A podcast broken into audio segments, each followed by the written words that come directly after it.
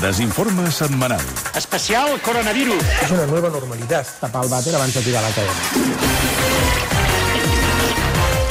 Adrià Quatrecases, Sergi Vives, molt bon dia. Bon dia! Bon dia! Hem d'explicar l'actualitat de la setmana amb rigor i el rigor de Marc Castellnou, el bomber. Sí. Eh, Era rigor? Era rigor, rigor. rigor? Sí, sí, rigor en majúscules. Però vosaltres dieu que això del rigor ja no es porta Això ni als no es- boscos no ni es- enlloc. Què va, home, per això som aquí, per tocar-ho. Sí, i com que nosaltres l'actualitat de la setmana no ens acaba de convèncer, ens hem dedicat a crear-ne una d'alternativa. Una setmana en què milers d'estudiants han quedat més alleugerits que quan vas de ventre després de 3 dies sopant pasta a la carbonara. Enhorabona a tots ells i elles, perquè la selectivitat 2020 ja és història. Ja està, ja ha Bravo! passat. S'ha acabat l'esforç de clavar colzes, l'ansietat de si tu sabràs prou i l'angoixa de si el distanciament pel coronavirus t'impedirà copiar les respostes del del costat tal i com tenies previst. Tot això ja no us ha d'amoïnar més. Ja ho diu la dita. Aquí les pau i després glòria. Però hi ha alguns elements que no podeu descuidar ara que heu deixat enrere els exàmens, elements que us masteguem per vosaltres en aquesta... Guia, pels ganapis que us creieu els reis del mando, perquè heu acabat la sèrie. I per on hem de començar? A veure. A veure, estudiant, el més urgent és esborrar-te les xuletes que tens escrites al braç. Això ho Això hauries d'estar fent ara mateix i ho saps. Has vist prou capítols de CSI per saber que mai pots deixar rastre ni proves del delicte. Tu creus que la gent encara s'escriu amb els braços? No? Com es fa això? És que la gent ha perdut l'hàbit d'escriure Sí? mà, eh? Sí, home, sí, però això què fa? Jo crec que fan un- xuletes amb cos 7 o 6 Sí? O, o dos. i se les enganxen amb... Amb, amb, allò, amb, aqu- amb aquella mena amb de celo de doble cara, saps Ah, què de dir? doble cara. Bé, el que està clar és que la xuleta és la matèria a la que heu dedicat més hores a pensar on l'amagaríeu, com us ho faríeu perquè capigués el màxim de temari, tastar mides de lletra per concloure com de petita podies fer-la sense deixar de veure-la. Com a biòleg o arquitecte seràs un inepte, però com a dissenyador de xuletes ets un fora de sèrie. Has aconseguit el més difícil, prendre punts minúsculs en racons del teu cos pràcticament inaccessibles, consultar-los sense que t'enxampessin i fer-te sense recargolar-te massa perquè no creiessin que estaves fent ioga a mitja prova. Anotar-se coses al braç és lluitar contra el sistema. Per què us penseu que es posen els exàmens a la CELE en aquestes èpoques de calitxa? Perquè hagueu de presentar-vos a l'aula amb màniga curta. Ah. És Se les així. pensen totes els de la conselleria, home. Sí, sí, sí. Uh, has fet un exercici platòric digne de medalla olímpica, però ara, Cert. malgrat el valor sentimental que tenen per tu aquelles parauletes en Arial 3 sota el bíceps, has d'esborrar-les. Com aconselleu vosaltres fer aquesta esborrada al presumpte estudiant trampós? Perquè ja esteu inferint rec- que hi ha, que hi ha il·legals. Inferidíssim. Ah, home, i tant. Li recomanem ruixar-se el text de la pell amb amoníac, mistol o àcid sulfúric i fregar amb paper de vidre o un nanes. Sí. Si no et marxa, company, pots fer-t'hi un tatuatge just a sobre. Per això veieu tanta gent amb tatus. Ah. Per què van apretar massa el boli? Val. Per quin motiu, si no hi hauria tanta gent fent-se aquests ridículs dibuixets al cos? Per tapar xuletes. I si sou aprensius i us fan por les agulles, podeu, eh, doncs, pelar-vos la pell del braç amb Ah. el ganivet de pernil. Ah. O amputar-te també l'extremitat i enterrar-la en calç viva. Alguna altra precaució? A veure, uh, sí, has d'estar alerta perquè en aquests moments d'eufòria desfermada, perquè has acabat la CL, ets molt vulnerable i pots cometre un error fatal. Para atenció, para atenció perquè això és essencial. Vigila, vigila no comprometre't a compartir pis d'estudiants amb algú amb qui ara estàs bevent calimotxo. Has de meditar molt una decisió que pot hipotecar-te l'existència uns quants anys entre plats bruts i tasses de vàter a rebossar. Ara estàs entusiasmat i no penses en la logística del dia a dia, sinó en les farres que muntareu a casa. Però creu-nos, procura buscar companys de pis que rentin les dents almenys un cop per setmana i no els hagis de la boca amb gel hidroalcohòlic per combatre'ls l'alè. Procura buscar companys de pis que sàpiguen per quin extrem s'agafa una escombra. Procura buscar algú que sàpiga que ventilar l'habitació no és una mala idea si hi ha una fuga de gas serin. Ha passat alguna mala època, eh, l'Adrià, pel que es veu? Sí, No. sí, sí, no, que la Covid no li ha... De fet, des de que corre per aquí fa molt més bona cara. Teniu cap més recomanació? Sí, sí. Recomanem acomiadar-vos dels amics de tota la vida amb qui ara dius que seguireu quedant els caps de setmana al poble, però que no us tornaràs a veure el pèl al primer crash que tinguis. Oh, no, nosaltres som superamics, som inseparables, merda amb suc. Demana'ls que et tornin ara els discos i llibres que els hagis deixat en préstec, perquè d'aquí quatre dies ni us agafareu el telèfon. Desinforme setmanal. El listening, o sigui, la part de- d'escoltar, ha sigut una mica difícil d'entendre-ho, perquè els altaveus no s'escoltaven del tot bé. Acérquese al micrófono, si es tan amable. El listening bastant malament. Us ho agraïm, la reina i jo, de tot cor. Bé, això del listening és, és sempre problemàtic. Sempre. Sempre, Sobretot sempre, si tens problemes tècnics amb el so, clar. és que Home, un és que és fotut, bàsic, saps? És fonamental. Eh, el listening- I no se sent un pijo, saps? Sí, sí, això Eh, passa. això i una altra de les matèries que sempre és motiu de conflicte a la selectivitat és la de català, eh? Això sí. Enguany hi ha hagut bueno, enguany queixes, queixes... Suposo que han posat drama. Mm, home, no, molt català es veu que no era. Enguany hi ha hagut queixes per la dificultat de la prova i amb raó, perquè a l'examen d'aquest any els alumnes havien de fer un dictat, atenció, narrat pel president del Barça. I clar, a veure, has de ser superdotat per desxifrar què coi està dient. Mira, sentim el dictat que els van posar els alumnes, fixa't. En l'àmbit esportiu, moltes coses que ens han succeït seran formidables. La precisar el target d'equips, el que cal fer o qui no n'hauria de ser. Coneixem que nosaltres, però no tenim ni, cap, la més mínima sospita de fer d'altra manera. Clar, A que veure, No un manipuleu tema- el president del Barça. No, no, la, les paraules són, són pronunciades així. Són pronunciades Sí, així. tot i, que la, tot i que la prova no era gens fàcil, alguns alumnes, però, estaven preparats per afrontar-la perquè ja Home, et s'imaginaven... toca el que Barton, el comen- listening i... i... És fotut. I, sí. Doncs la gent ja s'ho creia. Mira, mira, escolta. Bueno, res que no poguéssim esperar, la nostra professora ja ens ho havia comentat i, i bàsicament, bueno, la gramàtica no era gaire difícil i... Bé, no. força bé, força bé. En fi, L'obligatorietat de dur sempre mascareta a la cara podria ser insuficient. Diversos experts recomanen que sigui obligatori dur també mascareta al cul. Alguns estudis preliminars indiquen que el virus es podria transmetre també a través de les flatulències, una expulsió sobtada de ventositat amb No, una no. gran capacitat expansiva. Això és així. És, és així, i que pot extendre No, és partícules víriques. estudiant, És que ja s'ha demostrat. Com per això? I Els aerosols. els aerosols. No, no, però Mira. això és per tirar I ara, la... mascaretes grapades a les natges. Les més altes instàncies sí. no poden amagar l'angoixa que els provoca la sospita de que el coronavirus també s'encomana a través dels pets. Mira, es evidente que estamos siendo testigos, el conjunto de la población española, de informaciones inquietantes Sí, noi. Sí. Aquesta Sí, ho és, sí, pues. certament. que nos perturban a todos. Home, tu A también. Home, Sí, sí, a tots, a tots. Veus? Per abordar la qüestió, al programa vam comptar amb el ministre Salvador Illa, a qui la Terriba es va preguntar sense embuts com d'amoïnat està com a màxim responsable de salut pública ara que sap l'amenaça que suposen pets i llufes. Salvador Illa, molt bon dia. Què tal? Molt bon dia. Quin és el nivell de preocupació en aquests moments del ministre pel que fa als pets? No, és una situació de, de preocupació, però naturalment ho seguim amb, amb preocupació i, i a diari. Sí, sí, no, no, No se li ha de perdre el rastre, això. Eh? Escolta, el ministre Illa també va resoldre per fi una de les qüestions que més es va debatre durant el primer confinament i que qui sap si es tornarà a repetir ara quan ens tornin a tancar tots. Ens referim a per què carai la gent es va tornar boja comprant paper de vàter en quantitats industrials. Illa diu que ell mateix li va passar, que va comprar dos papers de rotllo doble capa amb olor a lavanda, però no creu que comprar-ho fos cap error. Jo crec que aquest no, no, no va ser un error, vull dir que amb tota franquesa. Jo eh, penso que no, no, no, no, no és així. És dir, eh, miri, va haver-hi una, una demanda tan, eh, tan gran que l'oferta disponible d'aquest material no, no, no podia fer front a aquesta demanda. I el mercat es va distorsionar completament. Eh, I l'única forma era fer tot el que calgués per poder comprar. Sí, sí. No, no, hi ha gent que encara en té per, per, per una, una dècada. Oh, tant. L'estudi d'Oxford, que ha conclòs que el coronavirus es podria transmetre per l'aire, no només ha augmentat el poder contagiós de la Covid-19, sinó que l'ha acabat de convertir en una superpandèmia. Diversos ciutadans d'arreu del món ja han començat a veure com el virus es propaga per l'aire a la seva bola, com aquesta parella de mexicans que van veure la Covid-19 sobrevolant Acapulco. ¡Miren, allá en el cielo! ¡Es un ave! És un avión. ¡Es súper... Coronavirus. Està bé, està bé. Allà, allà va, allà va. Lleida. Parlem de Lleida, que està decidida a evitar que la Covid-19 se segueixi escampant per la zona i ho farà amb l'arma més efectiva de la que disposen en aquelles terres, la boira. L'estratègia és que l'espessor de la boira confongui el coronavirus i passi de llarg de la resta de terres lleidatanes perquè no hi vegi absolutament res. És infal·lible.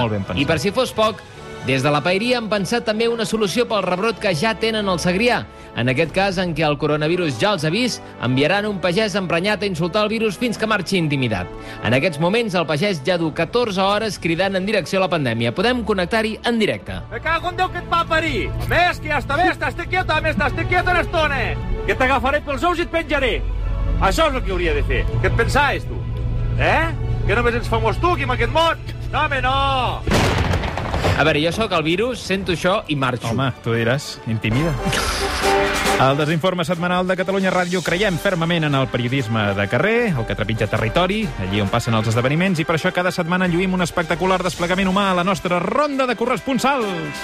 Que comencem al Palau de la Generalitat, on la Home, plaça de no, Sant no Jaume sé de Barcelona. Si calia. Sí, i ha Home, anat, i ha anat amb una moto, amb una moto d'aquestes elèctriques. Ara. Exacte. Allà el govern ha anat un pas més enllà en l'intent de no expandir la pandèmia i a l'obligatorietat de la mascareta. Ara hi fa- afegiran que els ciutadans duguin una taronja dins la boca, com la que duc jo ara mateix, per impedir que hi pugui entrar res de res. Núria Oriol, Palau de la Generalitat. El govern va tenir la idea després que consellers d'Esquerra i de Junts per Cat s'intentessin tapar la boca els uns als altres amb cítrics mentre discutien al pati dels tarongers. A veure, són mesures expeditives, però poden funcionar, no? La portaveu de l'executiu, Meritxell Bodó, ha qualificat la decisió de dràstica i responsable i aplicada en el moment que els informes, les dades i els experts ho han exigit. Gràcies, Núria. Marxem ara a un domicili particular, la casa de Nàdia Calviño, on la vicepresidenta espanyola hauria perdut una nova votació Una tan o més important que la que va perdre ahir a Brussel·les. No és, el seu, no és la seva setmana. No, no. Eh, recordem que no va aconseguir la presidència de l'Eurogrup. No, pobreta. Ara Calviño tampoc hauria guanyat la votació familiar on es decidia lloc de vacances. Uf. Això sí que és greu. Jordi Baró, casa dels Calviño, la vicepresidenta volia anar a fer una ruta pels castells francesos, però els nanos es van sortir amb la seva i aniran a Marina d'Or, després que el pare hagués retirat la seva candidatura d'anar a Tenerife. Com ha anat exactament tot plegat? A veure. Calviño ha perdut en la segona ronda de votació perquè el tercer aspirant s'ha retirat després de cada última a la primera ronda. La vicepresidenta espanyola no ha obtingut els suports necessaris. No hi ha dret. M'agrada molt aplicar el sistema. eh, Però... Sí, sí, és una manera, és una manera de fer-ho. Magnífica informació, gràcies Jordi. I acabem la ronda de corresponsals a Suïssa, fins on l'Adrià Quatrecases ha seguit els passos de Joan Carles de Borbó. Ara Endavant, marxava. Adrià. Ara, ara ja hi soc. Bon dia, bon Ai, dia des d'un caixer automàtic de la ciutat de Berna. El caixer on l'exrei Joan Carles està actualitzant la llibreta, una cosa molt habitual entre la gent de la seva generació i que en el cas del monarca emèrit du més estona de l'habitual perquè el seu compte corrent suís hi té molts moviments que si entren quartos de l'Aràbia Saudí, que si en surten cap a la Corina, que si transferència cap al testaferro, que si pagaments amb la targeta de dèbit de compres al sex shop Amantis... En fi, un no parar de calés amunt i avall que a l'hora d'imprimir-los a la llibreta duen una bona estona. He estat parlant, companys, he estat parlant amb alguns treballadors de l'oficina bancària i m'han explicat que el Joan Carles de Borbó aprofita cada vegada que ve a actualitzar la llibreta per queixar-se al banc de les comissions. Es veu que fa cua durant l'estona que calgui només per exigir que li treguin la comissió de manteniment de 0,75 cèntims que li claven aquests bandarres. Estafadors, es veu que els criden. I ho deuen ser, perquè sap de què parla. Aquí, al caixer suís del banc del Juanca, he aconseguit una altra informació sucosa. Les meves fonts em demanen mantenir, mantenir l'anonimat, així que no puc reproduir els talls de veu, però m'han confirmat que en una ocasió Joan Carles I va encarar-se al director de l'oficina reclamant al banc que li regalessin una sandvitxera. Es veu que va amenaçar-los i tot. Va dir, o em regaleu la sandvitxera o m'emporto els calés a un altre paraís fiscal. Es nota que en sap molt de negociacions. Sí. L'única cosa que fa patir de l'emèrit és que cada vegada que es presenta al banc du la cartera un, dins una ronyonera i veig que porta el nombre PIN anotat en un pòstit enganxat a la visa per si se li oblida. La gent gran ha d'agafar, ha d'anar alerta amb aquestes coses. Ma- Majestat, Sí, home. vigili que hi ha molt pispa, eh? Us deixo, us deixo que el pobre, el pobre home no s'aclareix amb els botons i li aniré a donar un cop de mà al caixer. Adrià Quatrecases, Catalunya Ràdio, Suïssa. Desinforme setmanal. Doctor. Una combinació que... Què ha passat amb el micròfon? Doctor, que el perdem. Por favor, el doctor. Hem perdut el doctor Trilla. Se'l trobarà a faltar aquest estiu el doctor Trilla, eh? El trobaré Ai, a faltar l'Espanyol. jo. Trobaré a faltar. Va, Cada matí. parlem de l'Espanyol, que té clar qui Parlem és de el culpable l'Espanyol. d'haver baixat a segona divisió. Sí, trobarà a faltar la primera analitzat detingudament la temporada i ha conclòs que si el club no hagués jugat a Europa, no hauria acusat la Lliga i, per tant, no hagués perdut la categoria. És per això que des de l'Espanyol s'ha demanat formalment sortir de la Unió Europea. Com a primer pas, el club ha fitxat com a entrenador l'ex-speaker del Parlament britànic, en John Bercow. Es, veu, es, veia Barcelona- venir, es veia venir, Sergi, que aquí a l'Espanyol, sí. contràriament al que s'ha dit tota la vida, era una colla de copaires, eh? Ara han demanat sortir de la Unió Europea. Eh? Són així, són així, ells. Així, Per vale. sort, ara amb en John Bercow, escolta, tot anirà molt, bé, molt més ordre. Ja veuràs, mira, en Bercow es va presentar així davant l'inquiet afició de l'Espanyol, fixa't. Order! Order! Order! Order! Escolta, doncs Té feina, no seria té un mal feina, eh? fitxatge, eh? No, no, no està No, no. mal pensat. O com a president, vull dir que, total, també, també des de fora. El president del Barça, mentrestant, Josep Maria Bartomeu, va venir dimarts a l'estudi u de Catalunya Ràdio a explicar els resultats de l'auditoria i també la sorprenent troballa que va aparèixer a les finances del club. Els auditors han trobat una factura a nom de Corina Larsen, amb la que el Barça hauria pagat uns serveis de Joan Carles de Borbó.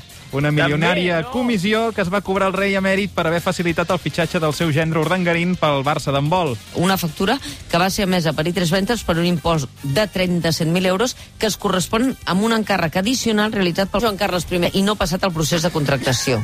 Aquestes factures s'han pagat? No, és una factura per un servei que es va demanar extra, que com diu l'informe, Sí. és un servei extra que s'ha realitzat. No, no, és que factures de Joan Carles. I et poden aparèixer a qualsevol lloc, eh? A tot arreu, Sí, sí. a tot arreu. Pots estar fent la declaració de la renda i et surt allà un I, i, t'apareix allà? Sí, sí, sí, sí. No, no, no, s'ha d'anar en compte.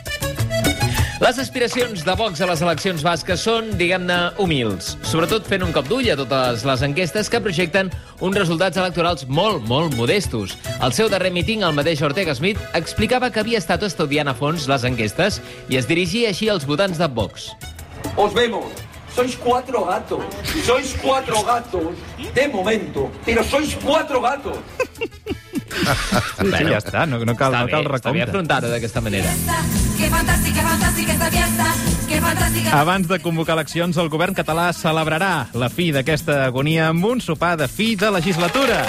Consellers de Junts per Cat i consellers d'Esquerra compartiran una vetllada de comiat. El conseller Puigneró s'ha ocupat d'encarregar taula a una tagliatela per demostrar que domina l'aplicació del tenedor i que fer-ho és el primer pas cap a la república digital. El vicepresident aragonès ha promès convidar les copes amb el sobrant d'una partida pressupostària que li balla i el president Torres s'ha escrit un discurset pel brindis i està esperant que Carles Puigdemont li torni corregit.